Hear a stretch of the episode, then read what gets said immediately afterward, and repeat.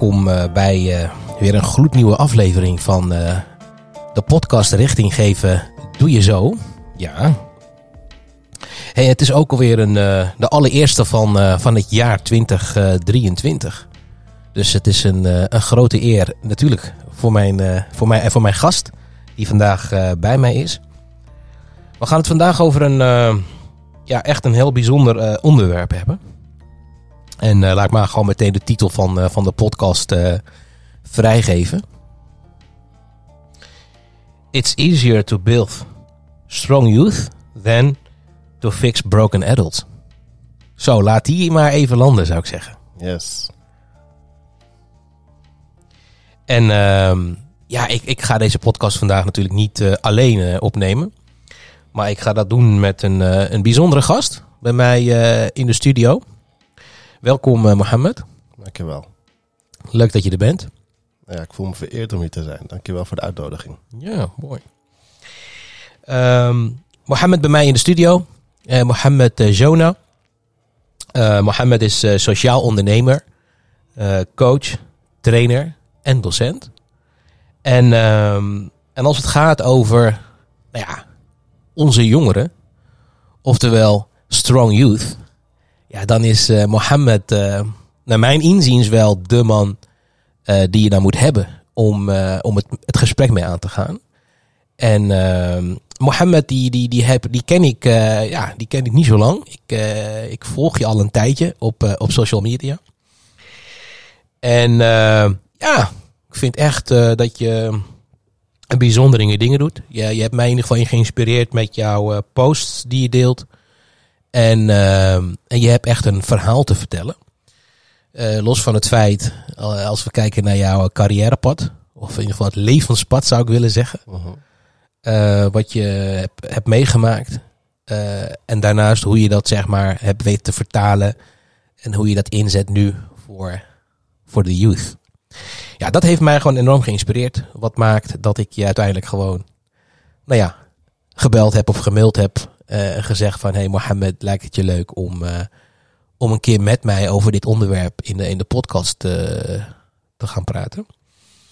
Um, dus ja, zo gezegd, zo gedaan. En hier zit je. Nogmaals, welkom. Dankjewel. Ja, de laatste keer stond je achter mij. Zat je mijn rolstoel vooruit te duwen.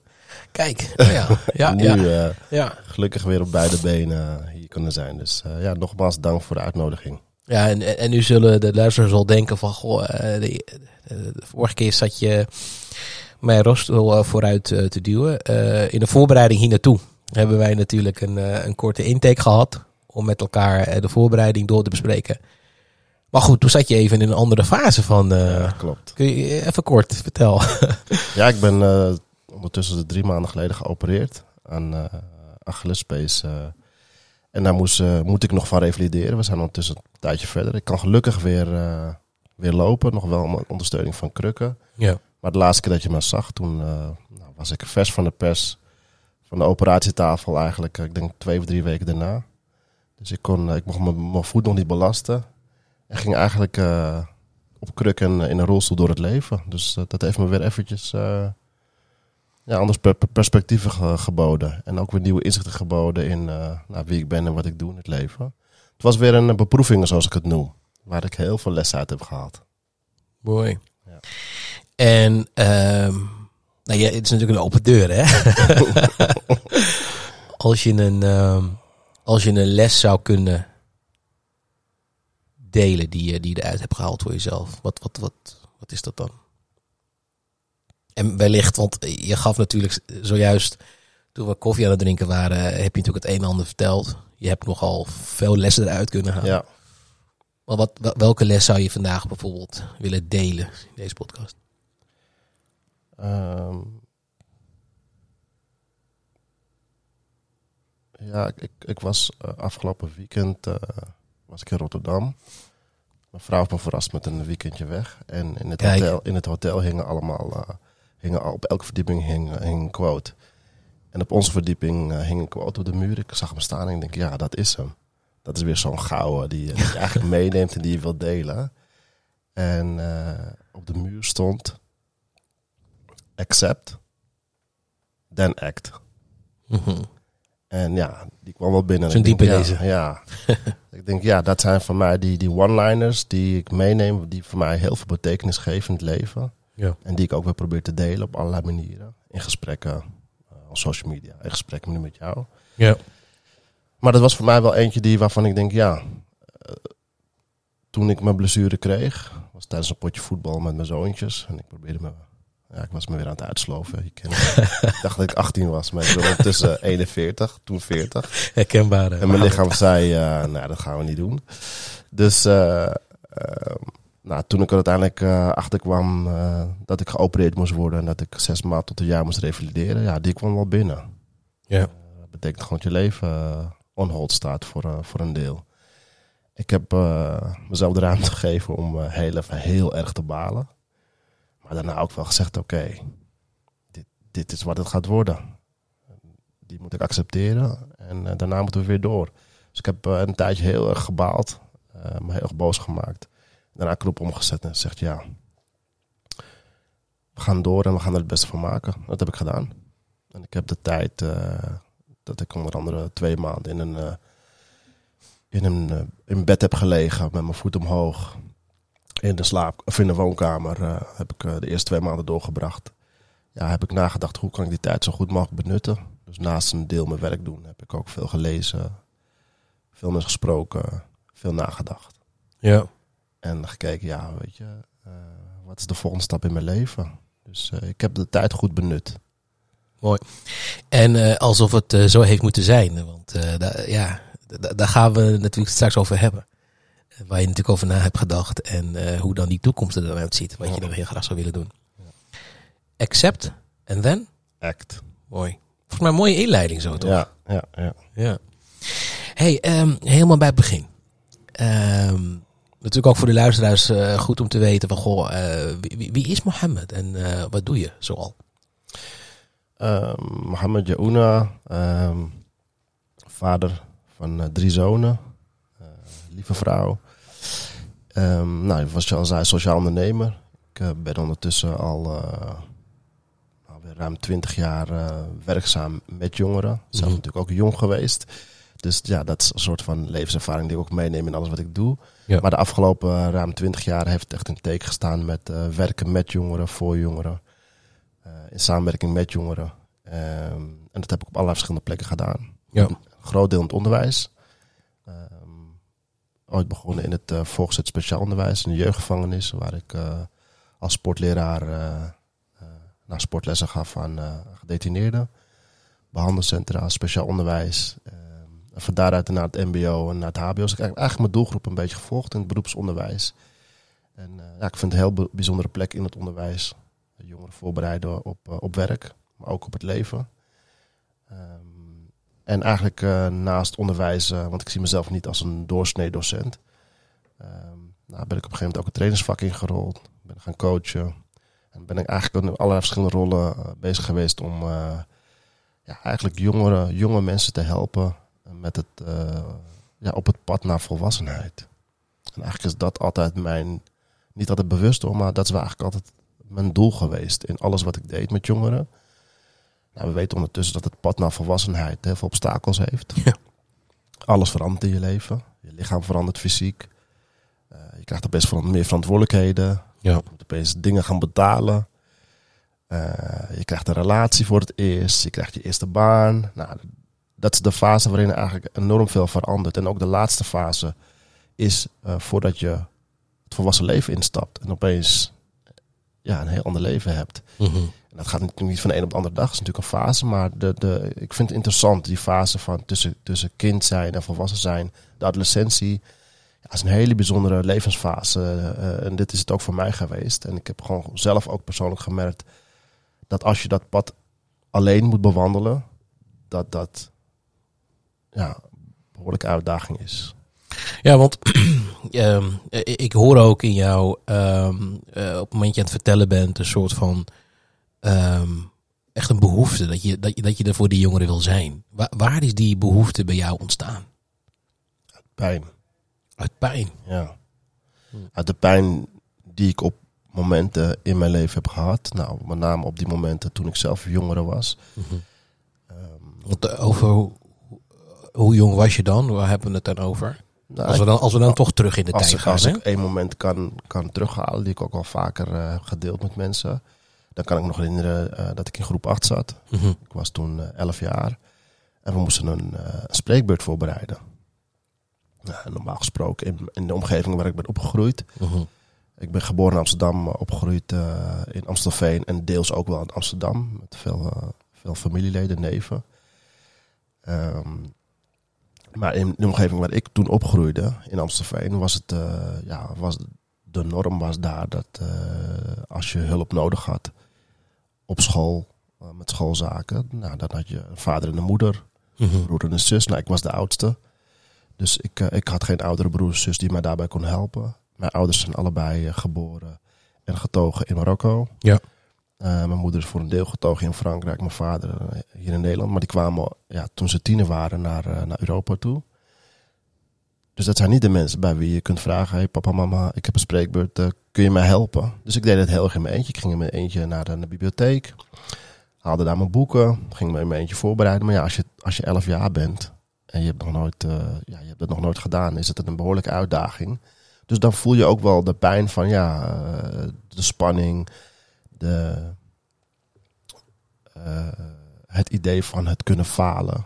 En ik was best wel introvert eh, in die jaren. Ik, ben, Mhm. eh, ja, ik, vond, ik vond het best wel spannend om voor een groep te staan. Dat is sowieso als, als kind van die leeftijd is het al spannend.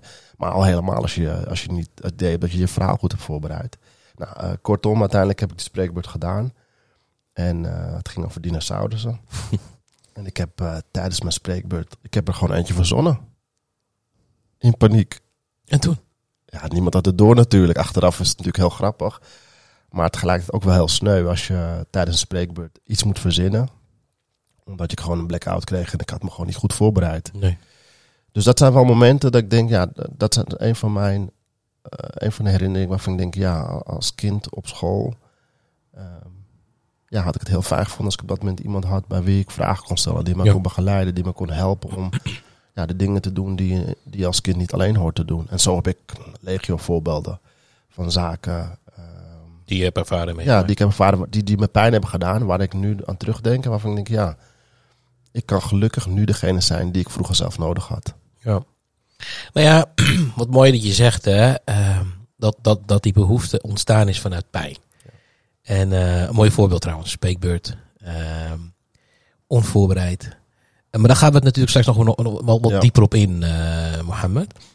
Ehm, als we dan toch eh, terug in de tijd eh, gaan, wil ik even, ehm, eh, wil ik even terug naar het gezin waar je uit voort bent gekomen. Kun, je- kun je daar iets over, over zeggen? Hoe zag, hoe zag het gezin eruit? Of Ja. laat, laat ik nog verder gaan. Je ouders komen uit Marokko. En toen? Ja, dat is wel best wel bijzonder. Ik zei net al, ik ben opgegroeid in een omgeving waar ik eigenlijk buiten de norm viel.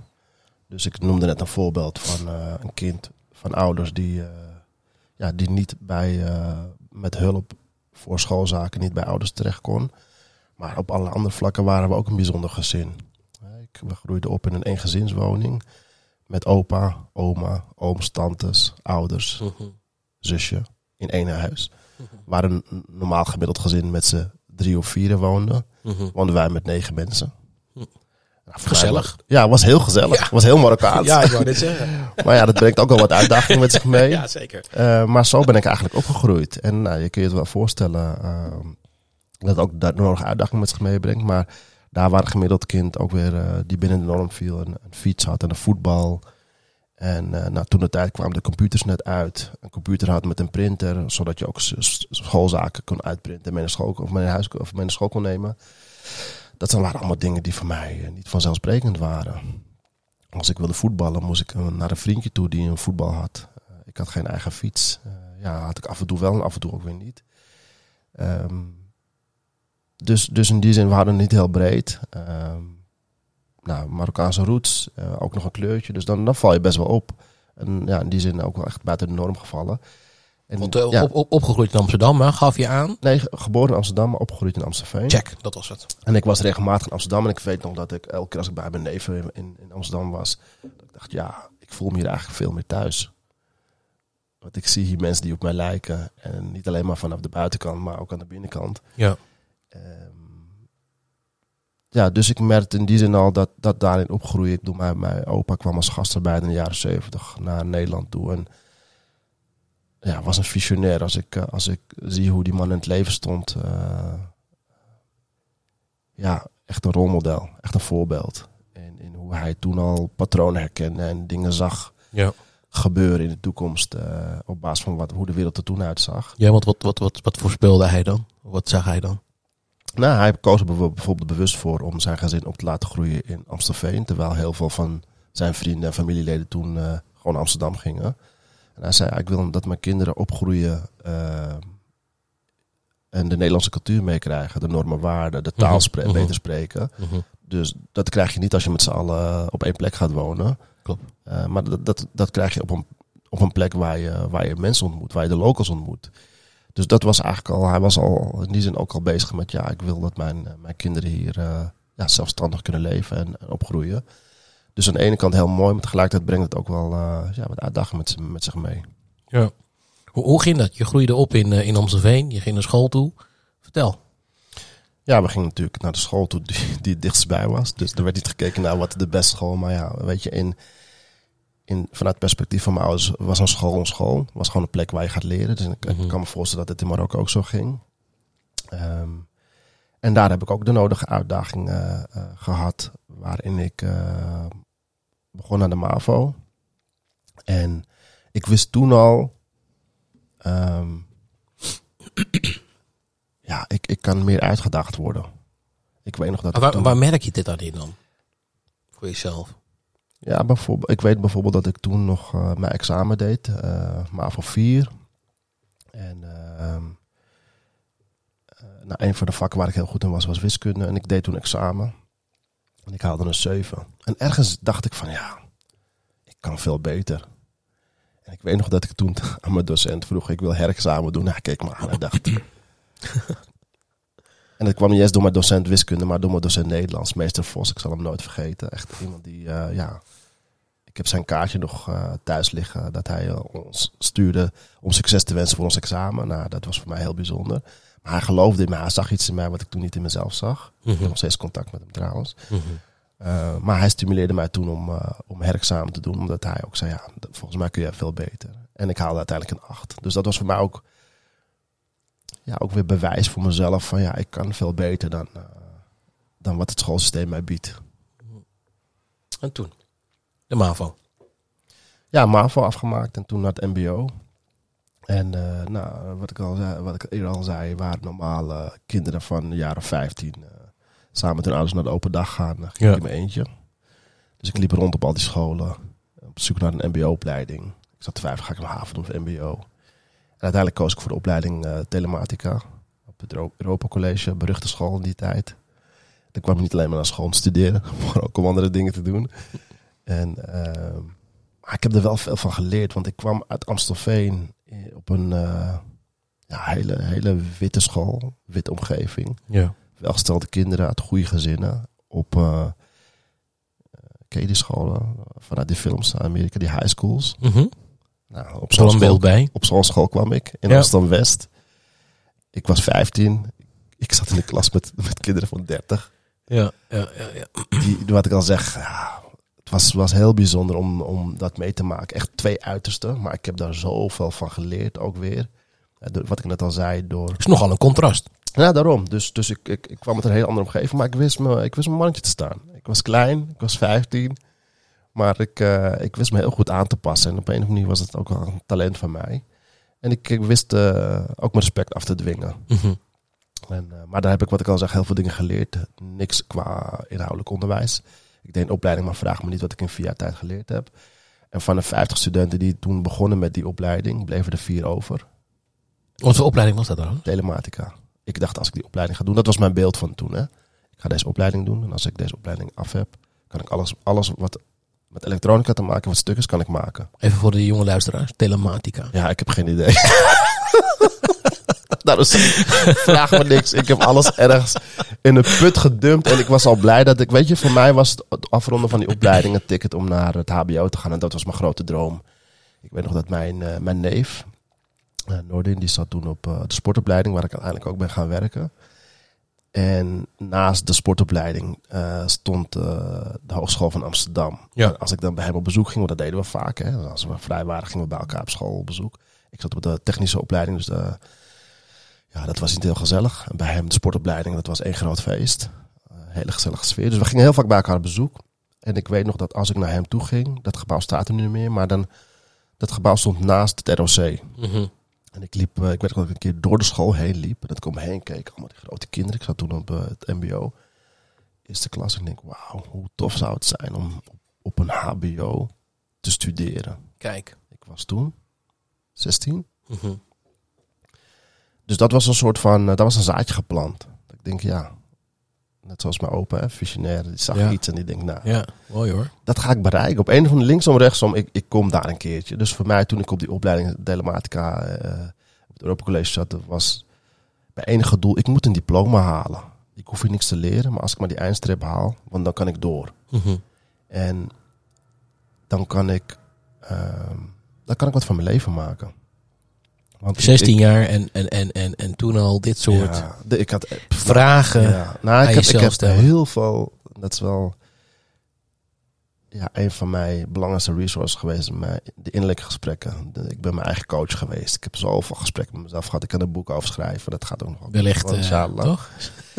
Maar ik heb zoveel gesprekken met mezelf gehad op jonge leeftijd. En ik herken die oude ziel die mijn opa en mijn vader ook uh, allebei hebben gehad. En ik herken het ook in mijn oudste zoon. Heel subhanallah. Dat oude ziel. Ik was een jong ventje, maar op een of andere manier uh, ja, een oude ziel die mij heel erg heeft geholpen om uh, het pad van het leven te bewandelen. En dat pad wat ik net beschreef in het begin, de, de, het pad naar volwassenheid. Ja. Um, ja, ik, ik, had, ik had niet de mensen om me heen die ik nodig had, maar ik had gelukkig mezelf. En uh, nou, de gesprekken die ik met mezelf gevoerd heb, bijvoorbeeld, eh, ik wil ooit een keer een, een HBO-diploma gaan halen. Dat heeft me heel geholpen om, uh, ja, om richting te geven aan mijn leven. Want over, uh, over richting geven aan je leven gesproken. Um, dat deed je door intern, met, intern dialoog te voeren met jezelf. Ja. Um, maar nog steeds was je alleen. Hoe, hoe kwam je de dagen door? Hoe, hoe, want jij zal toch ongetwijfeld ook wel dagen hebben gehad waarvan je zei, ja, ja het, het lukt niet of het ja. werkt niet. Hoe, hoe, hoe herpakte je dan? Ja. Hoe deed je dat? Nou, in die zin, uh, ik bedoel, ik heb gelukkig een hele lieve moeder. Mijn vader, Larmo, die is er niet meer. Maar die, uh, ja, die was er wel, maar die was er niet. Maar ik wist wel dat, uh, ja, dat de liefde er wel was. Maar, maar, die konden me op dat moment niet bieden wat ik nodig had. Ook omdat ze ja, de Nederlandse cultuur gewoon niet zo goed kenden. Mm -hmm. En uh, ze spraken de taal wel. Maar ja, je kan je voorstellen als je, als je opgroeit in zo'n land op, en als tiener hier komt. Ja, dat je gewoon soms ook niet weet hoe bepaalde dingen werken. Nee. Dus uh, ja, ze waren er voor me, maar niet op, niet op, op hun manier. Ja, op, op hun, hun manier. manier. Ze deden echt hun best. Absoluut. Maar op sommige uh, momenten ja, had ik toch iets anders of iemand anders nodig. Bijvoorbeeld bij het maken van een studiekeuze. Of wat jij zegt op het moment dat je er even doorheen zat. Nou, ik heb gelukkig uh, twee neven van mij gehad. Jamal en uh. Ja, brothers from another mother. En... Mooi hoor. Ja, dat waren mijn broers. Dat waren nog steeds. Uh, Jamal die woont ondertussen in Abu Dhabi. Noorden heb ik gelukkig nog heel dicht bij me, maar dat zijn mijn broers. En uh, dat waren ook mijn vaders en mijn, en, en mijn, mijn, mijn, mijn, vrienden en Mhm. mm -hmm. alles. Mm -hmm. En die hebben een hele belangrijke rol in mijn leven gespeeld. Ik weet nog dat er momenten waren, en nu nog steeds zo, dat ik af en toe even niet weet uh, hoe dingen moeten in de, op, ja, bijvoorbeeld in de opvoeding of op andere momenten, maar vooral ook in die fase van mijn leven. Dat ik denk, ja, als ik het zelf even niet wist, wat zou de Jamal Nordin doen? Ja, ja prachtig om, uh, om ook nu nog gebruik te maken van, ja. uh, van deze twee mannen. Ja. Maar wat deden ze dan precies, Mohammed? Hey, ik, we gaan even weer terug naar 16 jaar. MBO. Je had de droom om naar het HBO te gaan. Ehm, vervolgens heb je het MBO natuurlijk gehaald, hè? Mm -hmm. Toch? Ja, ja, uiteindelijk wel. Uite uiteindelijk wel. Ja, Ja, en wat, ja, en van wat, de 50 als, uh, als enige van de vier overblijven is Ja. uh, wat dat betreft een prestatie. Dus Ja, ik ben ook super trots. En ik kan me nog heel goed herinneren dat ik een diploma-uitreiking had. En dat ik denk, ja, dit is Ja. mijn ticket. En, en, en, en- en zag je daarin al dat de impact van de neven zichtbaar was? Ja, want in die zin waren we alle drie uit hetzelfde hout gesneden. En we hebben ook hetzelfde meegemaakt. Dus we, onze relatie met onze vaders, eh, ja, was bijzonder. Mhm. Dus daar waren we alle drie op onze eigen manier mee aan het strukkelen. Hoe, hoe zou je die dan willen omschrijven? Want ik denk dat, eh, ik ben natuurlijk ook, zelf ook van Marokkaans eh, Ja. kom af, dus ik, ik, ja, ik, ik, ik weet wat je bedoelt. En ik denk ook eh, de luisteraars die dezelfde afkomst hebben. En tegelijkertijd realiseer ik me ook dat we natuurlijk ook andere luisteraars hebben die zoiets hebben. Wat bedoel je dan precies? Ja. Hoe omschrijf die nou eens? Hoe, hoe, hoe was dat vanuit jou? Hoe heb je dat ervaren? Mm, Take your time.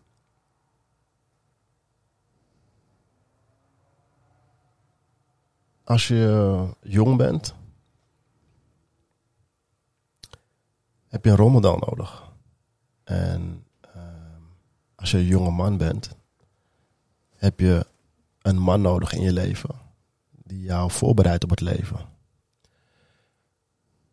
Onze vaders hebben echt hun best gedaan, maar die, ja, die hebben natuurlijk, wat ik al zeggen, die zijn opgegroeid in een andere omgeving, andere cultuur, andere Ja. normen en waarden. Die komen hier naartoe, hebben heel hard gewerkt om er voor ons te zijn, om voor hun gezin te zorgen. Ja. Maar sommige dingen konden ze niet voor ons doen. Ehm, en dat was ons voorbereiden op het leven in, een, in, een, in die nieuwe omgeving, die voor hun ook nieuw was. Precies, en daar zit hij, hè? Die voor hun ook nieuw Ja. was. Dus, dus we hadden iets nodig wat ze ons niet konden bieden. Juist. Ja, en als zij dat niet konden doen, dan moet je dat ergens anders vinden. Juist. En ja, dat, dat maakt de relatie best wel, als ik voor mezelf mag spreken, ja, lastig. Want je hebt hem nodig, maar hij kan er niet voor je zijn. Ja. Dus je moet die rol ergens anders vinden. Dus ik, heb, ja, ik ben ook heel lang bezig geweest om die rol op, andere plekken te vinden. En gelukkig vond ik die ook wel in, in bijvoorbeeld een docent of in dit geval mijn Ja. neven. Ja. Met wie ik wel bepaalde gesprekken kon voeren. En die gelukkig ook allebei een doel in hun leven hadden. Allebei andere doelen. Maar zij waren wel bezig met een toekomst opbouwen. Ja. Wat Ja. qua leeftijd, hoeveel scheelden jullie? Eh Noorden en ik zijn even oud. Hij zegt altijd broertje omdat hij twee maanden en een week ouder is. Ehm, en Jamal, ik scheelde twee jaar, maar hij was ook ver, verder dan... eh, Verder dan was volwassen, ja. Precies. Maar het waren de jongens met wie ik chill. Dat waren mijn vrienden. Uiteindelijk ook collega's. Met beide heb ik eh, eh, ook gewerkt. Eh, maar ja, we hebben heel veel tijd doorgebracht als we bij familie kwamen. Ja. En de een kwam, de vroegen ze waar is de ander. Dus op een gegeven moment waren we een soort van... Onafscheidelijk. ja, onafscheidelijk. Echt. En ook met z'n drieën veel tijd doorgebracht. Maar het waren jongens met wie, die op dezelfde leeftijd met dezelfde, dezelfde struggles hadden. En tegelijkertijd ook bezig waren met wat van hun leven maken. Ah, fijn en mooi om te zien dat, dat als dat soort jongens natuurlijk ja, met hetzelfde doel bezig zijn. Dat dat voor jou natuurlijk eh, een mooie spiegel is geweest. Ja, ja en, ik, en ik ook voor hun kwam ik achteraf achter. Achteraf. Eh, Ja, ik bedoel, soms vergeet je ook je eigen rol daarin. Ik wou net En eh, nou goed, eh, als man, eh, ik heb ondertussen geleerd dat kwetsbaarheid in die zin ook eh, eh, groot goed is. En vooral voor mannen een, een grote uitdaging is. Maar ik heb geleerd om, om ook daar ja, kwetsbaarheid als iets krachtigs te zien. En dan spreek je wel eens dingen uit naar elkaar. En een man onderling. Maar daar heb ik ook wel in begrepen dat eh, ik gelukkig ook voor hun eh, nou, van, bete- van betekenis kon zijn. Ja. En dat we eigenlijk elkaar daarin heel erg konden steunen. En, en echt eh, nou, een hele, hele belangrijke rol voor elkaar hebben gehad daarin. Nog steeds. Hey, en ehm, je gaf aan, eh, jouw vader is, eh, is er helaas niet meer, Lerchmo. Rahmo. Heb jij nog eh, gesprekken met hem gevoerd toen hij er nog was over hoe jij je jeugd hebt ervaren? Heb je dit wel eens met hem besproken? Ja, wel eens. Maar ik, ik, ik heb helaas geen... eh, het waren nooit constructieve gesprekken. Ik weet nog, mijn zus die pest me er af en toe mee. Eh, mijn vader, toen ik, ik heb mijn vader op allerlei manieren geprobeerd uit te leggen eh, wat, het, wat ik nou deed. Want hij wilde dan aan andere mensen vertellen. Hij was natuurlijk trots op mij. Maar dat, dat sprak hij niet altijd uit. maar hij wilde dan soms aan andere mensen uitleggen wat ik allemaal deed. En hij begreep er allemaal niks van. En uiteindelijk heeft hij het zo gevreemd dat hij zegt: Ja, jij plukt jongeren van de straat. ik zei: Pa, Ah, serieus? Eh, hij is wel, is passend. Ik, eh. ik zeg, is dat, is dat jouw omschrijving van wat ik doe? Pluk jongeren Ja. van de straat. Precies. Maar ik weet natuurlijk wat voor betekenis daarachter Ja, zit voor hem. zeker. En ergens is het ook zo. Ik pluk jongeren van de straat. Want dat is ook wat ik, ook, als ik het zo zie, ook al gedaan heb. Uh, maar dat was, uh, ja, dat was zijn uh, omschrijving van, van alle, alle, alle dingen die ik deed. Heb jij overigens alles vader kunnen zeggen, wat je nog wilde zeggen? Nee, helaas niet. Hij is plotseling overleden en op 60-jarige leeftijd, dus ja, relatief jong. En uh, ja, niet de gelegenheid gehad om. Uh, en daar kan ik soms best wel jaloers op zijn hoor. Om, om een vader tot zo'n gesprek te, hebben met hem. Waarin ik ja, gewoon. En ik ben zelf ook gegroeid hè. Dus, dus de dingen die ik nu zou bespreken met mijn vader. Dat zijn misschien andere dingen die ik tien jaar geleden zou bespreken met hem. Toen hij er nog was. Ik kan, ik, ik kan me voorstellen dat met het reflectievermogen wat jij hebt dat er ongetwijfeld nog wel eens een interne discussie gaande gaat, is. Dat je zegt van, goh, had ik dit? 100%. Of had ik dit? 100%. Wat, wat, als je dan, wat, wat had je nou heel graag willen zeggen tegen je vader? Dat ik het begrijp. Hmm. Dat ik begrijp dat... Uh, ik, ben, ik, ben ik ben een tijd boos geweest op de wereld, op hem. Van, hé, waarom was je er niet voor mij toen ik je nodig had?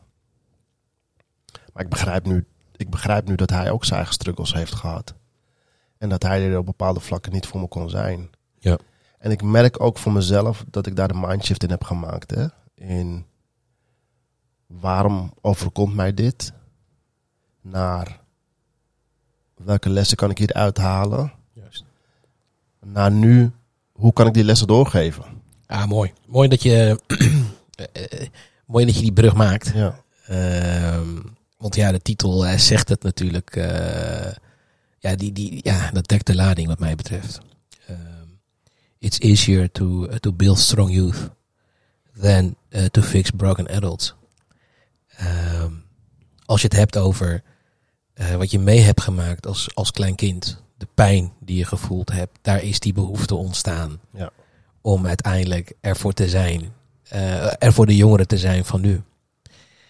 Um, hoe ben je überhaupt uh, bij deze one-liner uitgekomen? Ik, ik, vind het nogal een pakkende, inspirerende uh, one-liner. Omdat, ja, je, je, kan echt alle kanten op.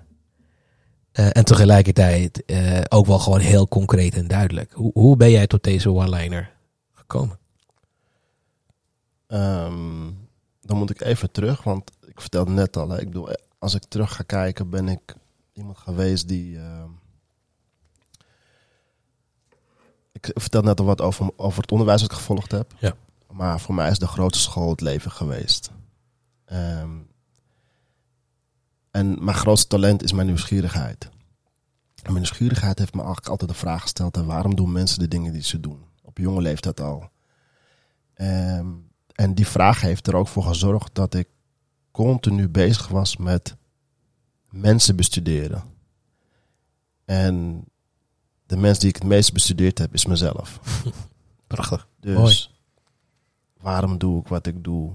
Welke lessen haal ik hier voor mezelf uit? Hoe zou ik dingen anders kunnen doen? En ook wat kan ik van anderen daarin leren? Dus um,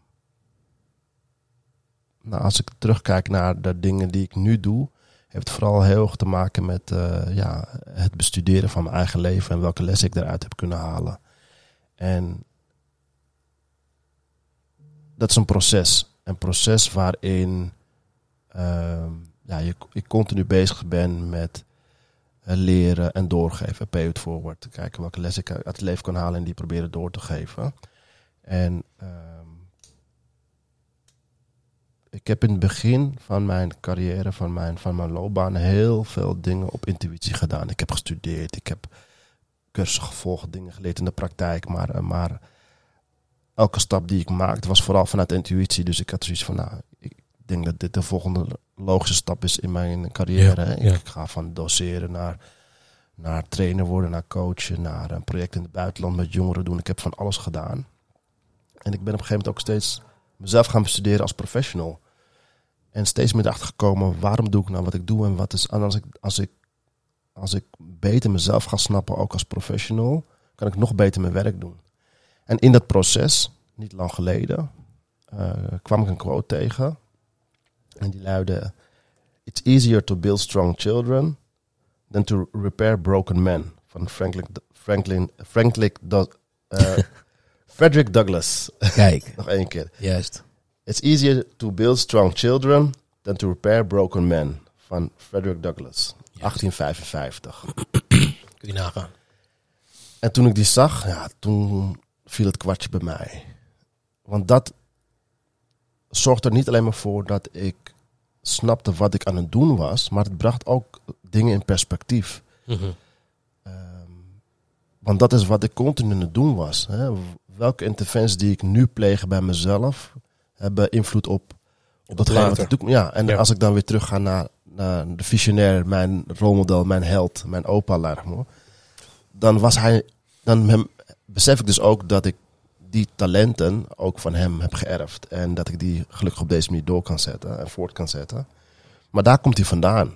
Van dingen in perspectief zetten en snappen dat alles wat je nu doet een gevolg heeft. En toen ik die quote zag, nou, toen ben ik na gaan denken. En ehm, ben ik dat gaan vertalen naar mijn werk. En heb ik hem eigenlijk een beetje getweakt. Dus Ja. ik heb hem een beetje gestolen, maar daarna ook een beetje eh, nou, in eigen woorden vormgegeven. En omdat ik heel veel, eigenlijk 80% van de jongeren waarmee ik werk, zijn jonge mannen. Ehm, maar toen heb ik er eigenlijk van gemaakt: It's easier to build strong youth than to fix broken adults. Want dat is nou, eigenlijk voor wat mij betreft een ve- veelzeggende one-liner waar, waarin ik niet alleen maar vertel wat ik doe, maar vooral ook waarom ik het doe. Ja. Mooi hoor. Mooi om, ehm, om te zien hoe je dat. ehm,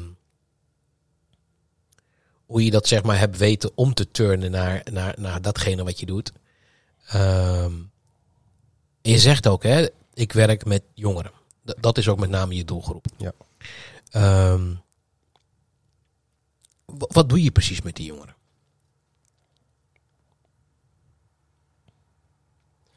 Waar houd je je mee bezig? Nou, ik, ik doe van alles met de jongeren. Eh, ik gebruik sport heel veel als tool. Dus dat is een beetje mijn, mijn, Natuurlijk mijn achtergrond. Ja, vanuit Ja. mijn achtergrond. Ik heb sportopleiding gedaan. Daar heb ik heel geleerd wat de kracht van sport is. Ehm, dus soms trek ik mijn handschoenen aan. Dan gaan we een partijtje boksen. Andere keer is het een partijtje voetbal. Soms is het gewoon een spel wat we spelen. Als we het, eh, even nog een, eh, een zijstraatje. Want als we het over die jongeren hebben, hè? Jongeren is nogal een algemeen woord, breed. Hebben we het over nog een specifiek doelgroep? Nou, vaak wel 16 plus. Hm. 16 tot en met, eh, ja, weet je, soms heb je uitschieters tot, tot 30. Mhm. Maar dat is een beetje de range waarin ik eh, nu met name de laatste jaren mee werk. Mhm. Oké. En ik heb ook wel met kinderen, jong en, en, en, en, en tieners gewerkt. Maar ik, ik merk vooral eh, dat mijn behoefte bij je jongeren ligt en ook mijn kracht. Omdat dat het laatste station vol volwassenheid is. Dus eh, daar waar anderen preventief op veel jongere leeftijd met, met kinderen aan de slag gaan. Eh, merk ik dat ik juist bij het eindstation zit. Omdat ik denk, ja, weet je, voor degenen die dan niet gefixt zijn, ja, die ga ik proberen te fixen. Voordat het te, te, la- te laat is, eh dus aanhalingstekens. En wat, en, wat, en, wat fix je dan? Ehm, nou, in die zin, soms is het niet fix in de zin van, eh maar bedenken dat goed. er, iets, dat, er Ja. iets, dat er iets stuk is. Maar Ja. in die zin, weet je, wat ik belangrijk vind, is jongeren voorbereiden op het volwassen leven. En wat Juist. mij betreft is zelfredzaamheid daar een belangrijk onderdeel in. Hè? Ervoor zorgen dat je als volwassene een stabiel, gelukkig en succesvol leven hebt. Wat, wat, kom, Dat, je zo, dat, wat, is, dat is mijn doel altijd. wat kom je zo al tegen dan? Ehm, nou, eigenlijk dezelfde vraagstukken die ik zelf heb gehad. Hè. Dus, dus, dus jonge mensen die bijvoorbeeld een, eh, een eh, beroep moeten kiezen. Of een opleiding moeten kiezen. En niet weten, ja, hoe, hoe moet dat nou? Ja. Dat kun je natuurlijk ook niet alleen. Dat deed ik natuurlijk wel in mijn eentje. Maar ik heb daarin... Ik heb twee verkeerde studiekeuzes gemaakt. En heb ook Mhm. daar de pijn van gevoeld. En weet ook daar kan je natuurlijk superveel van leren. Maar het, het kan je ook breken. Ja. Het kan er ook voor zorgen dat je geen vertrouwen meer hebt in jezelf en in het schoolsysteem en in de wereld. En dat je een ander pad bewandelt. Ja. En nou, die jongeren heb ik regelmatig voorbij zien komen. Die toch wel voor de quick fix. Die toch wel denken, nou, dan ga ik maar een ander pad bewandelen. In de criminaliteit eh, belanden. Ja. En soms daar gelukkig van terugkomen. Maar soms ook helemaal zichzelf erin verliezen. En eh, nou, met alle gevolgen van dien. En dat worden straks de, de partners van, van, een, van iemand anders. Dat, worden de, dat zijn de zonen van Juist. collega's van. Nou, die gaan daar ook allemaal schade aan richten. Dus dat, dat broken van de toekomst. eh, dat als je daar op tijd bij bent. ja, beter voorkomen dan genezen. Dat is wat mij betreft ook eh, het oud spreekwoord wat daaronder ligt voor mezelf.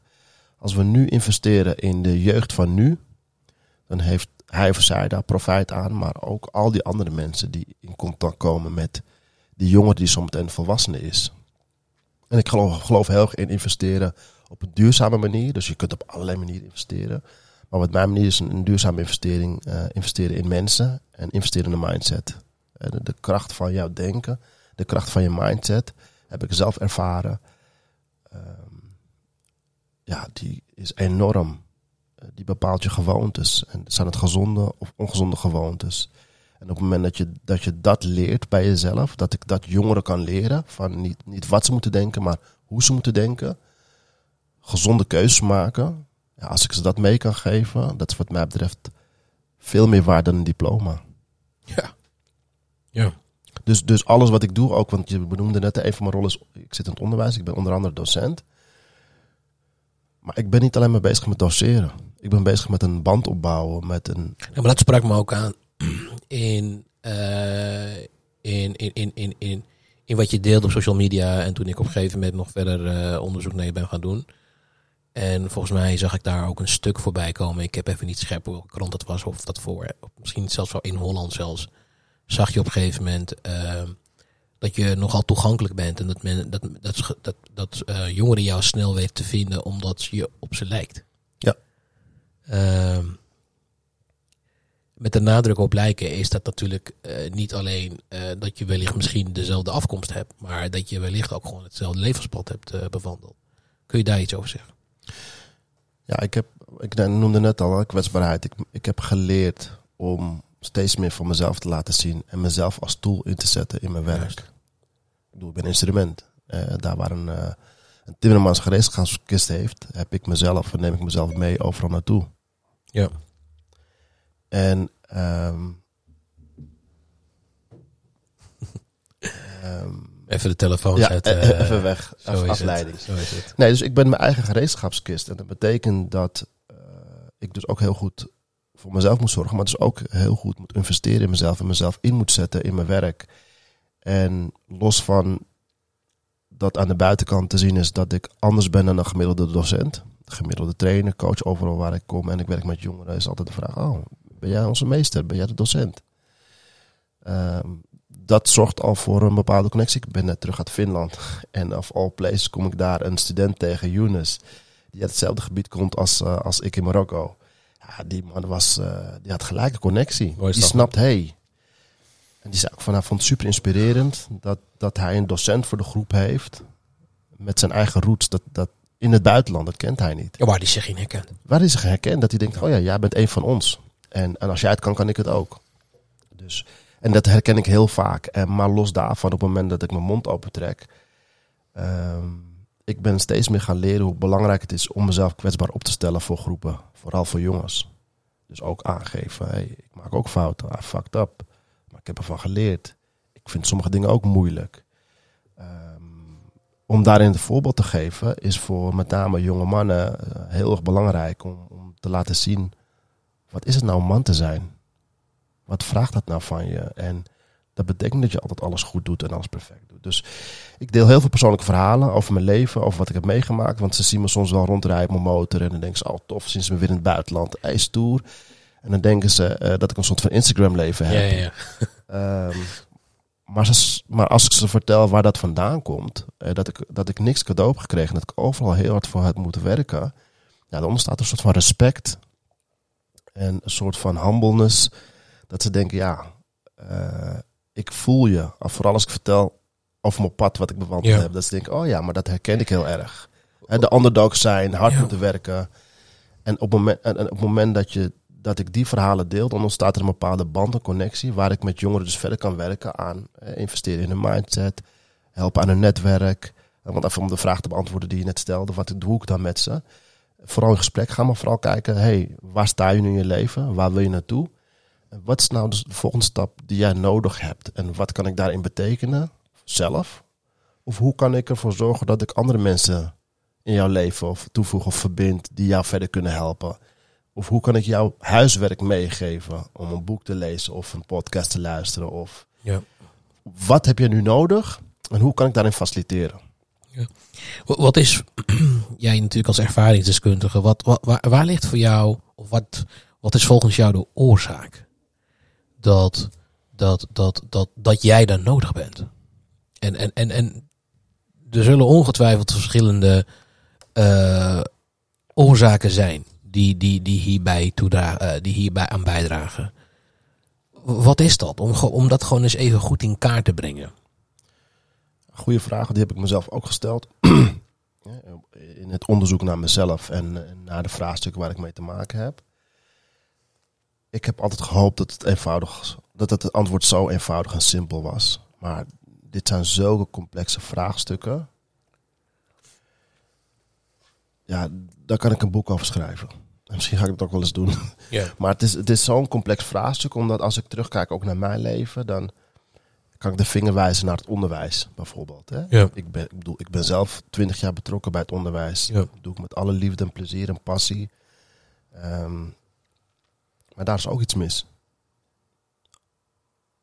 Hoe het onderwijs hè, eh, in grote lijnen, hoe ik het ken, eh, ik afgelopen twintig jaar, ik heb niet alleen maar zelf in het onderwijs gewerkt, maar ook als trainer coach op heel veel scholen rondgelopen. Ja. Dus daar mag ik echt wel wat over zeggen. Maar ehm, waartoe dient het onderwijs? Hè? Dat is de vraag die ik mezelf altijd stel. Hè? Waarom gaan kinderen en jongeren naar school toe? En natuurlijk om een vak te leren, maar tegelijkertijd vind ik ook dat school een plek moet zijn waar je voorbereid moet worden op de toekomst. Dus als je dan wat op school leert, laat het dan alsjeblieft iets zijn waar je later ook wat aan hebt. Ja. En we weten allemaal, ik denk dat alle luisteraars deze ook wel herkennen, dat je dingen op school leert waarvan je op dat moment al weet, hier ga ik nooit meer wat mee doen. Herkenbaar. Waarom zouden we die onderdelen van het curriculum niet eruit knikkeren en er dingen in toevoegen die wel van waarde zijn? Maar ja, dan heb je het weer over het onderwijssysteem. Dat is zo complex en er is- er zijn zoveel mensen die er belang bij hebben dat het blijft zoals het blijft.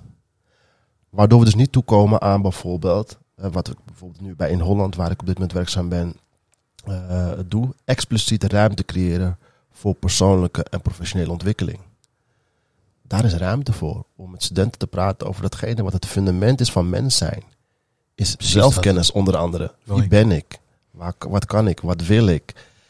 Uh, wat zijn mijn ambities? Hoe kan ik stappen maken om daar naartoe te komen? Hoe kan ik bewuster stappen maken naar het werkveld straks en, en daar mezelf als tool in meenemen? En, en ja, daar is zelfkennis ook een heel belangrijk onderdeel van. Dus ik ben blij om voor zo'n hogeschool als, als in Holland te mogen werken, waarin Hè, Hiervoor moest ik altijd strijden voor ruimte binnen het curriculum als het gaat over persoonlijke ontwikkeling. En hier hadden ze al ruimte gecreëerd en kon ik met collega's aan de slag om uh, ja, mooie dingen te doen met studenten. Essentiële dingen. Dus, dus een onderdeel van het vraagstuk, hè, wat mij betreft, is ook hoe het onderwijs eruit ziet. Er zijn gelukkig heel veel mensen, ook uit mijn netwerk, heel veel mooie mensen die nu bezig zijn om het onderwijs op allerlei manieren te verrijken. Dat, daar, daar probeer ik ook een bijdrage in te leveren. Maar ja, het onderwijssysteem. Ja. Is, dat, is, is, dat wel, is, is dat wellicht niet toe aan, aan een soort van hervorming of zo? Ja, maar ga er maar eens aan beginnen. Ga er maar eens aan. Ik heb dat wel eens uh, in een andere podcast met iemand over gehad. Uh, je weet natuurlijk met mijn NLP-achtergrond. Ja. Uh, ik ben echt een voorstander om, om, om NLP al op de basisscholen te, te doseren. Ja, bijvoorbeeld. bijvoorbeeld. Maar laten we, weet je, we, we zijn met z'n allen super intelligent en, en we weten wat er mis is. Alleen, ja, dan kom je ook weer in een soort van politieke discussie terecht. Het onderwijs op de schop, ja, daar is best wel wat voor nodig. Dus ik heb op een gegeven moment ook me heel boos gemaakt, gefrustreerd. En gezegd, ja, uh, weet je, waarom gaat het niet anders? En uh, waarom waarom besluiten we niet gewoon volgend jaar om met z'n allen het anders te gaan doen? Maar dat is natuurlijk een veel te grote opgave. En wat ik al zei, er hebben mensen belang bij dat het blijft zoals het blijft. Nou ja, en, en, en, en natuurlijk, een van jouw doelen is om, om, om gewoon simpelweg strong youth, eh, daar zeg je simpelweg sterke jeugd. Ja. En volgens mij eh, moet je daar heel vroeg mee beginnen. Ja, ja, dan moet je in investeren vanaf dag één. Hey, is Topfrans alleen onderwijs? Een van de oorzaken? Of zeg Nee, nee, van, nee, meerdere. Welke, dus, ja, welke oorzaken zijn er nog meer waarvan je zegt, nou, dit, dit- onderwijs is natuurlijk een grote. ja. Die, Nou, maar heeft, nogal, er, zijn, nogal impact. er zijn heel veel maatschappelijke vraagstukken. Maar onderwijs is natuurlijk een, een, een, een land, een veld waar ik eh, Ja, ja. heel veel expertise heb opgedaan. Precies. Dus daar kan ik wat over zeggen.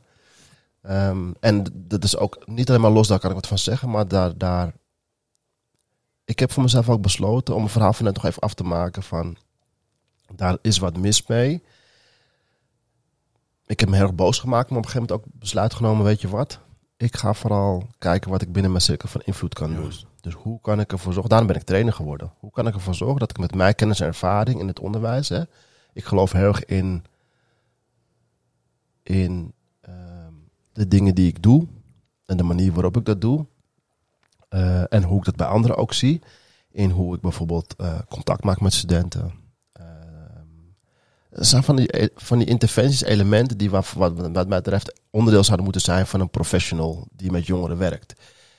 Ehm, en als ik naar mijn track record kijk en zie wat ik bereikt heb met, met mijn jongeren en ook met de mensen die dat ook op dezelfde manier doen, vanuit passie en liefde met jongeren werken.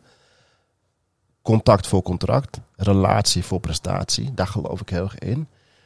Ehm, dat is mijn visie. Ik zeg niet dat het de waarheid is, maar dat is wel mijn waarheid waar ik heel erg in geloof. En ik wil dat gedachtegoed delen. Dus daarom ben ik trainer geworden om, om te gaan kijken hoe kan ik mijn, Spread the word. ja, hoe kan ik mijn kennis en ervaring delen met andere professionals? En hoe kan ik ervoor zorgen dat zij ook hun werk beter en leuker gaan doen? En, en dat ze uiteindelijk impact maken, want uiteindelijk is dat mijn doel. En dat we samen sterke jongeren gaan bouwen. Niet alleen maar fysiek, maar natuurlijk vooral ook mentaal sterk gaan bouwen. En gaan investeren in zelfredzaamheid. Dus voor mij, op een gegeven moment heb ik besloten, ik ga, ik ga kijken wat ik binnen mijn cirkel van invloed Ja. kan doen. En als ik in plaats van een groep van 20 studenten, ga ik investeren in 20 docenten. Want die bereiken op hun beurt ook weer 400 studenten, om het zomaar even simpele rekensom te maken. Dus ik kan meer impact maken als ik investeer in de mensen die om de jongeren heen staan. Nou, dat is een besluit dat ik een paar jaar geleden heb genomen om mijn wereld te veranderen. Juist. Niet de wereld, want de wereld is veel te groot. Nou ja, ze zeggen niet voor niks, het, eh, het begint bij jezelf. natuurlijk. Ja, ja. En, ehm, hey, ehm, het is nogal een. ehm, de, de tijd waar we nu in leven, Mhm. eh, die is nogal complex. En dan vertelde je dat dat ook al complex was toen jij nog klein was. ja, maar nu wat complexer. Daar zijn we het toch wel met elkaar over eens, toch? Ja. Wa- Wat kom jij nou. Wat, wat, wat is nou het grootste verschil met de tijd dat jij opgroeide ehm, versus de jongeren die nu opgroeien? Wat, wat, wat zie je daarin? Wat, wat, wat is de grootste struggle waar de jongeren mee struggelen? Ja, de wereld is een stuk kleiner geworden. En je hoort natuurlijk overal social media, dit, social media, dat. Maar social media biedt natuurlijk ook heel veel kansen. Waar gevaar liggen, liggen ook kansen. Maar de wereld is zo klein geworden dat. En, en dat maakt ook dat eh, de wereld, zoals de jongeren dat zien, niet dat het de realiteit is. Dus eh, als we het hebben over de Instagram-levens, die, eh, elke dag, die je elke dag voorbij ziet komen als je op social media zit ja, dat zijn, dat zijn influencers. Dat zijn de rolmodellen van jongeren. Ja, ik vind het heel gevaarlijk als ik soms zie, ook wat mijn zoontjes soms eh, wel eens eh, op TikTok eh, aan het kijken zijn. Dat ik denk, als dit jouw rolmodel is, iemand die loopt te schreeuwen, te vloeken, die loopt, ja, mooie auto's. Nee, ik hoef het niet uit te leggen. Hè. Die, die hun leven op internet eh, gooien en denken, nou, dit is. En, en daarin dus ook heel veel kinderen en jongeren eh, onbewust en bewust beïnvloeden. Als dat onze rolmodellen zijn voor onze kinderen, hou ik mijn hart vast. Ja, ik proef een beetje een zorg. Ja, een hele grote zorg. En dat betekent dus ook dat je als ouder een nog belangrijkere rol hebt. Ik vertelde net over mijn ouders. Hè. Eh, ehm, ja, dan was je bezig met het opvoeden van je kinderen. Ervoor zorgen dat ze elke dag te eten hebben. En nou, dat je ze de wereld kan laten zien. En, en dat je normen en waarden leert. Maar de verleiding voor de huidige jeugd om ja, andere keuzes te maken, ongezonde keuzes te maken, die is nu veel groter geworden. Dus de rol van ouders is nu de ouders, eh, school, eh, ja, al die mensen die in de samenleving een bepaalde verantwoordelijkheid hebben om, om uh, ja, it takes a village to raise a child. En dat dorp is nu Ja. Best wel een ingewikkeld dorp geworden. Ja. Dus die mensen ja, die ervoor moeten zorgen dat we onze jonge mensen voorbereiden op de toekomst, ja, die hebben een hele belangrijke taak. Ja. Als je. eh, Tijd gaat trouwens echt super. eh, Heb je überhaupt door hoe lang, hoe, Nee. hoe lang we bezig zijn? Geen idee. Nee, nee. Maar goed ook. Maar goed ook. Ehm, hoe vind je het gaan trouwens? Dat? Ja, goed. Ja? Ik had niet verwacht dat ik bepaalde dingen zou delen met, eh, Ja. met de wereld. Maar Ja. ja, Ja, toch gedaan. ja toch? nee, ja. Hey, ehm, de, de vraag vanuit mij was van, goh, weet je, waar, waar, waar, zit, waar zit dan de oorzaak, hè? Of oorzaken? Eh, onderwijs is voorbijgekomen.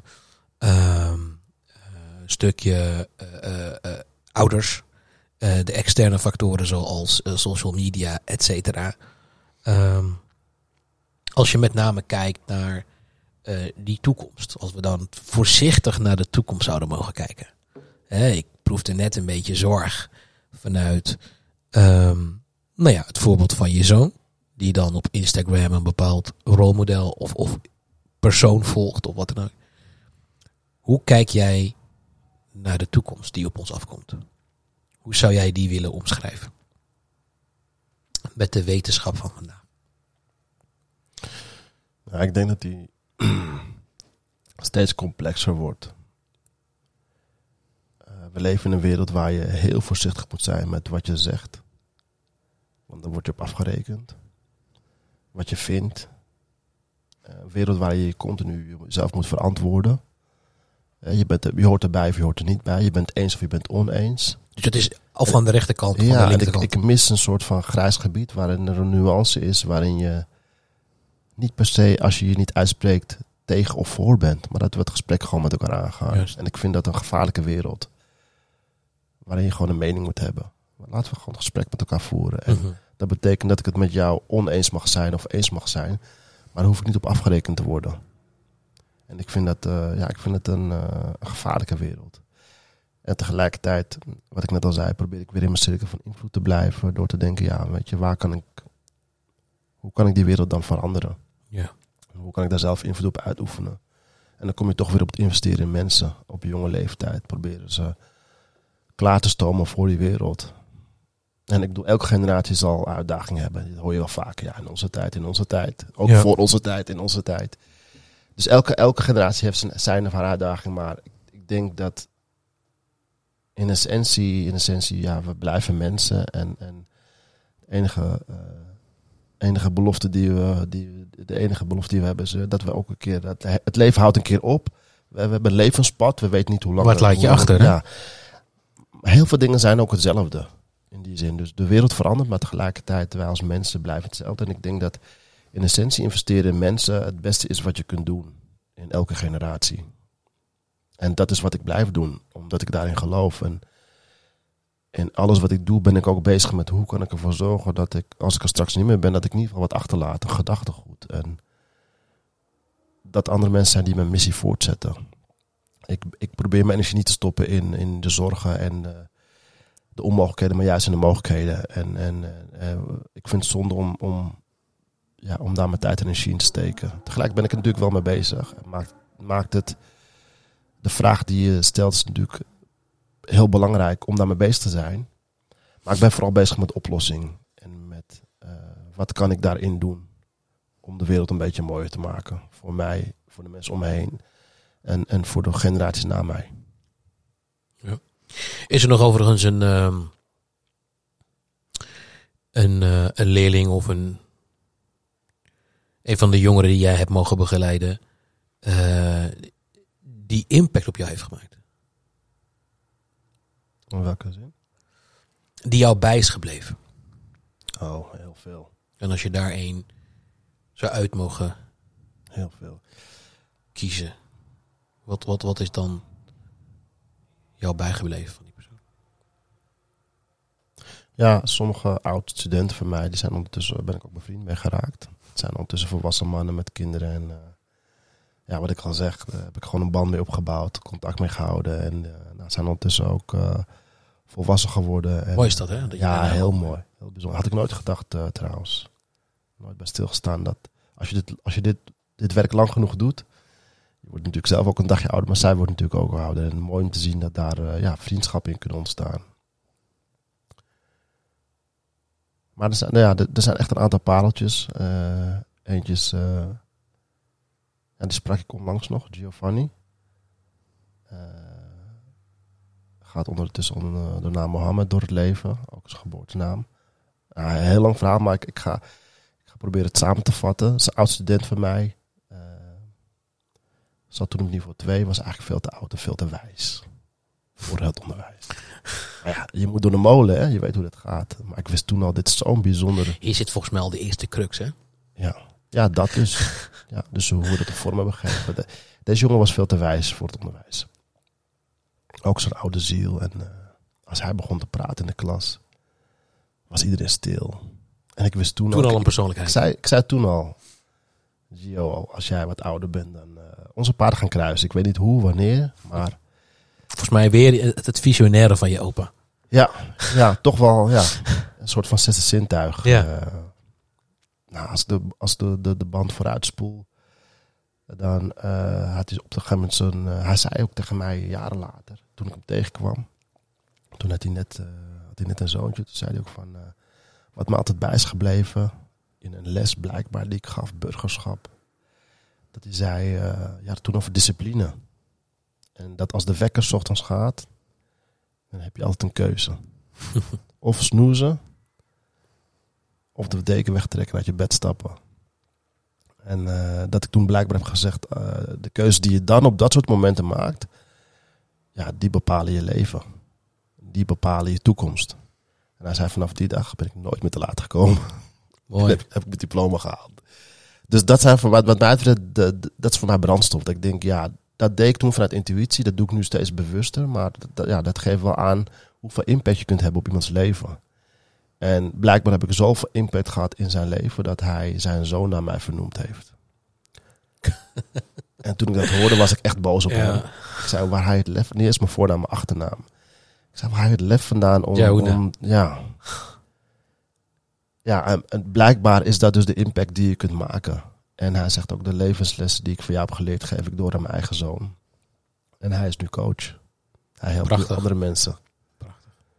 En, Coach Giovanni. eh, ja, ja, Mohammed Mohammed. ondertussen, ja. Hij is bekeerd. Nee, eh, lang verhaal, maar het zijn... eh, nou, toen hij geboren was, heette hij Mohammed. Oké. En uiteindelijk hebben, Ja, ja, ja. is hij dus vernoemd naar Giovanni. Lang verhaal, maar niet voor nu. Maar ja, bijzonder. Ook, ook dat hebben we besproken toen. het feit dat we naamgenoten waren. En dat, ja, we geloven allebei in dat dingen niet gewoon zomaar gebeuren, maar gebeuren een reden. Maar dat soort verhalen. eh, Nou, zoals je mooi zei, brand, brandstof. Hè? en, en dat is ook uiteindelijk, als ik het heb over eh Build Strong Youth, hè, is het voor mij niet alleen maar eh Build Strong Youth, maar ook. Ik weet dat als ik jongens, mannen zoals Giovanni Mohammed achterlaat op, op deze planeet, als ik er straks niet meer ben, dan komt het goed. 100%. En, en zo heb ik er meerdere. Ik heb een oud student van mij, Fatih, ondertussen ook bevriend. Eh, die is ondertussen maar kapper. Ik moest verplicht Hou ko- niet veel te doen bij jou, denk ik zo. Nee, niet veel. te- Nou, nou hij doet Of, eh, ja. of onderschat ik het nog een beetje? Nou, hij, is wel even, hij is wel even bezig Oké, hoor. oké. Maar Fatih Kubus, maar ook een oud student van mij, waarvan ik toen al wist, ja, weet je, ik heb een soort van, ja, wat ik al zeg, gezegd, een zesde zintuig waarin ik vaak zie van, hé, hey, ik zie iets en dat, dat kan ik in perspectief zetten. Maar ook een jongen die veel te slim was voor, voor het onderwijs. Wat, wa- wat wij met z'n allen elke dag weer organiseren. Die jongen deed niet voor twee. En eh, een mooie tijd met elkaar gehad. Maar die heeft gewoon zijn eigen bedrijf nu. Die heeft gewoon zijn eigen kapperszaak. Die hij runt. Samen met zijn broertje. Ja. Met steun van zijn vader. Een hele belangrijke rol in zijn leven. Maar dan denk ik van ja. Ja, je, je omschrijft hier volgens mij ehm, eh, twee sterke volwassenen. Toch? Ja. Ehm, en en wat je, waar jij natuurlijk voor inspant en hard maakt, is om te voorkomen dat we broken adults krijgen. Ja. Waar we allemaal last van hebben, niet alleen eh, zij zelf. Ja. ja. Als we dan even over die broken adult hebben. hè. Wat is dat precies? Ja, ik zei net al, hè, mijn, mijn doel is om bij te dragen aan eh, stabiel, succesvol, vooral gelukkig volwassen leven. En op het moment dat dat er niet is, ja, dan, dan En wat moet je daarvoor, wat moet je daar, want ik, ik kan me dan voorstellen dat je het dan hebt over vaardigheden. Of dat je het hebt over een soort van levenservaring. Wa- wa- Waar hebben we het dan over? ja, bijvoorbeeld eh, omgaan met geld. Je wordt volwassen, dan krijg je op een gegeven moment, als het goed is, een gezin. En je gaat voor je gezin zorgen. Ja, hoe ga je ervoor zorgen dat je financieel zelfredzaam bent? En als je dat nergens hebt geleerd, je hebt op school geleerd om te rekenen. Een stelling van Pythagoras. ja, maar je hebt niet geleerd Nee. hoe je je geld moet beheren. Broken adult. Mhm. Als jij als man niet hebt geleerd hoe jij in een relatie je partner moet respecteren, moet omgaan met je emoties. Broken adult. Mhm. En dan kan je niet een goede partner zijn en ook niet een, een, een goede vader of moeder. Dus dat zijn wat mij betreft de dingen die we moeten leren. Ja. Het liefst op school en anders op een andere plek als dat niet thuis is. En begrijp me goed hoor, sommigen eh, ja, die komen uit, uit een goed gezin in die zin dat ze dit soort dingen thuis leren. Maar eh, ja, heel veel jongeren leren dit niet thuis. En dan kunnen we wel zeggen, ja, dat is schuld van de ouders. Of, maar dit is wel hoe de samenleving eruit ziet. Niet alleen maar in Nederland, maar ook op andere plekken in de wereld. En ja, mijn droom is, is dat we een community creëren waar dit soort jongeren opgevangen worden. O- ehm, ik, ik- dat deed je met het bruggetje ook volgens mij halverwege de podcast. Het lijkt alsof je aanvoelt eh, wat er in mijn eh, nou ja, hoofd speelt. Ehm, als we het dan over die droom hebben. Ehm, ik hoor je zeggen community. Eh, ne- neem ons mee in hoe die droom er dan uit zou moeten zien. En ehm, wie, wie, wie, wie, wie, wie, wie, wie komen er dan voor in die dromen? En wat, wat ga je daar dus, ja, wat, wat is dan, wat ga je daarmee bereiken? Wat, Ik heb ooit de droom uitgesproken en die is nog steeds om een eigen school te beginnen. Ehm, ik heb net verteld over eh, waar ik vind dat het onderwijs echt voor op de schop moet. Gelukkig doen heel veel scholen het goed, maar ik heb al heel vaak gezegd, ja, weet je, al- als, als het er niet is, dan moet ik het creëren. ja, Ja, dan moet er dus een, een school cultiveren, komen. hè? Ja. Cirkel van invloed. En, en voor mij is een school niet een school zoals we het kennen, traditioneel eh, schoolgebouw. De hele dag door vakken krijgt en waar de bel gaat. Maar voor mij is een school, de school zoals ik die voor me zie, een community van mensen, van verschilmakers. Mensen die snappen wat jongeren nodig hebben. En die op basis daarvan hun gaan verrijken. En het hoeft niet altijd onderwijs te zijn zoals we het kennen. Eh, Wat bedoel, en eh, vertel, als we het dan iets concreter, ik, ben, ik ben altijd van het praktische. Ja. Als je het even concreet zou kunnen maken. Stel, we hebben die school. Ja. En dan? Wie Ja, zijn, dat, is een, dat is een, het is een plek, een omgeving, een inspirerende omgeving waar, Ja. waar jongeren komen. Ja, En eh, wat, ik, wat ik al eerder vertelde, eigenlijk vertellen waar ze nu staan en waar ze naartoe willen. juist. En die school, die gaat ervoor zorgen dat ze kunnen helpen bij het maken van de volgende stap. En voor de een kan het zijn, ik heb een netwerk nodig. Dus echt maatwerk heb je hier over. Ja, ja. En dus ook mensen die in staat zijn om dat te kunnen leveren. Maar die wel 's ochtends opstaan met het idee, De professionals hebben we het hier over. Ja, ja, ja. Dat, of jongeren zelf. Daar kom ik zo meteen nog even op terug. Maar die wel ochtends opstaan met het idee, ja, ik ga waarde toevoegen aan de levens van jongeren. Met plezier, met liefde en met passie. En niet, ik sta op, want aan het eind van de maand krijg ik mijn salaris. Het is een hele andere mindset. Een hele andere persoon is dat.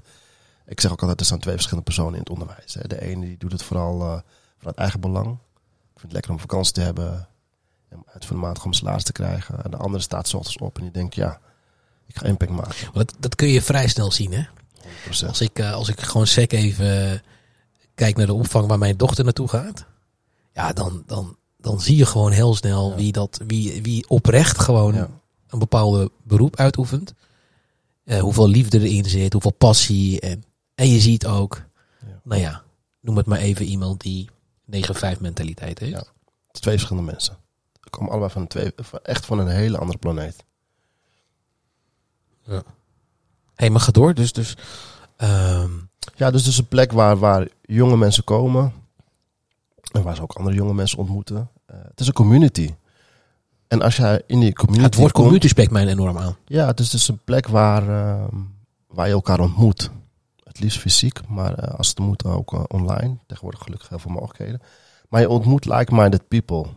Um, en je ontmoet mensen die ervoor gestudeerd hebben, of professionals die, die iets toe te voegen hebben. Ja. Die iets toe te voegen hebben, die waarde kunnen toevoegen aan de levens van jongeren, die zij op dat moment nodig hebben. Juist.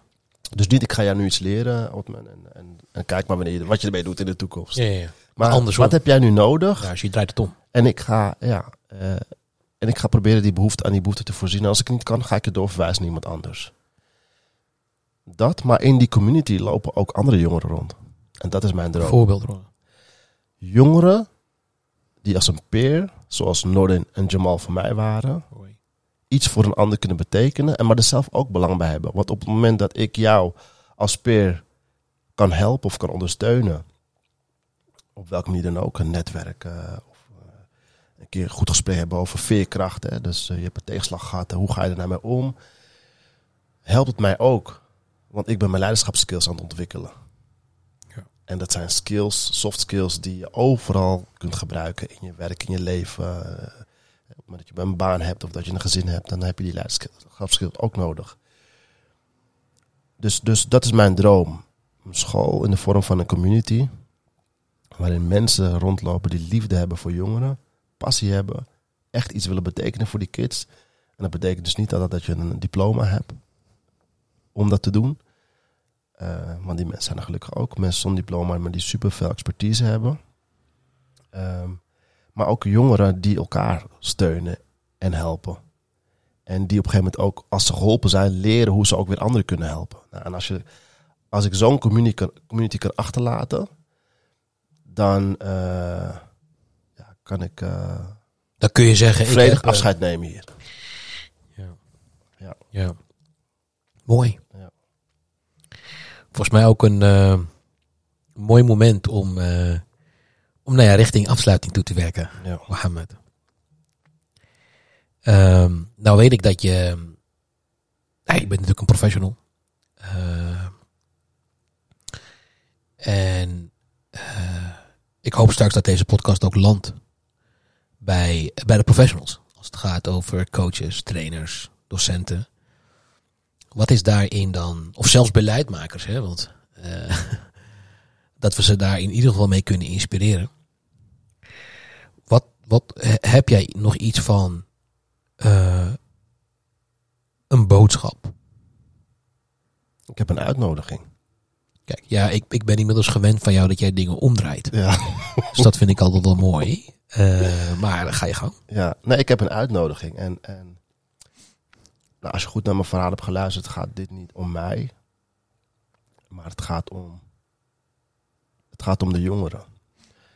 En dit is niet iets wat ik alleen kan, maar ook niet alleen wil doen. Dus ik ben vooral op zoek naar mensen die, als ze dit verhaal hebben gehoord, dat het resoneert en dat ze denken: ja, ik wil hier een bijdrage aan leveren. Ik wil onderdeel zijn van die school.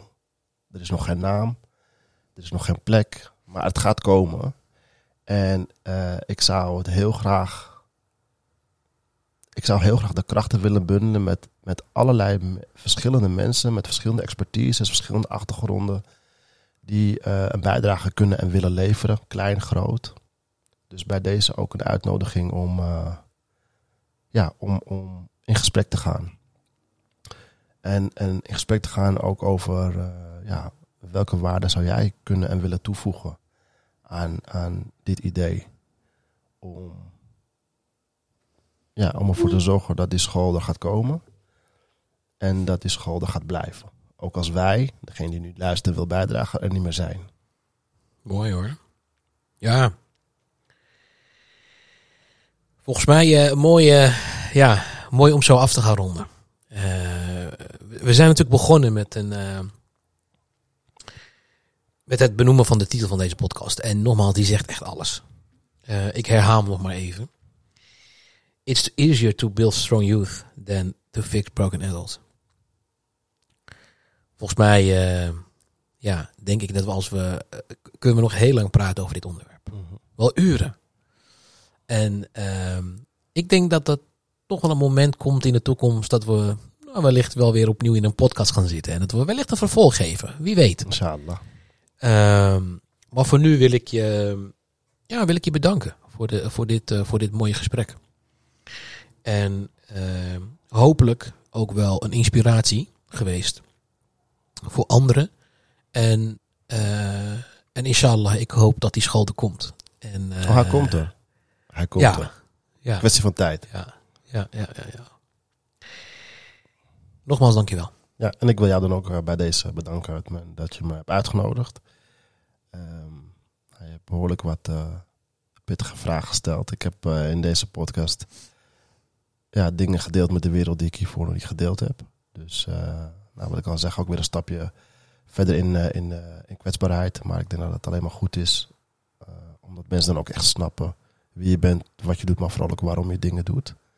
Dus dank ja, voor de uitnodiging en voor het delen van mijn verhaal. En het, het platform geven. En ik hoop ja, dat mijn verhaal er uiteindelijk voor zorgt dat we heel veel andere jonge mensen kunnen voorbereiden op een stabiele, succesvolle, maar ook gelukkige toekomst. Dat dit een nou, mooi begin daarvan is geweest. Mooi. Mooi, nogmaals, uh, dankjewel en uh, fijn dat je er was. Ik kan me voorstellen dat, uh, nou ja, dat er wellicht nu een aantal luisteraars zoiets hebben van, goh, ik, ik, ja, ik wil wel bijdragen. Ik kan me dat goed voorstellen als ik naar jouw verhaal te hebben geluisterd. Dan laat ik even in de comments achter de gegevens van Mohammed. nou ja, website, LinkedIn. Yes. neem het. En voel je vrij dan om, nou ja, om contact op te nemen. Voor nu bedankt voor het luisteren. En tot een volgende aflevering van Richting Geven Doe Je Zo. Tot ziens.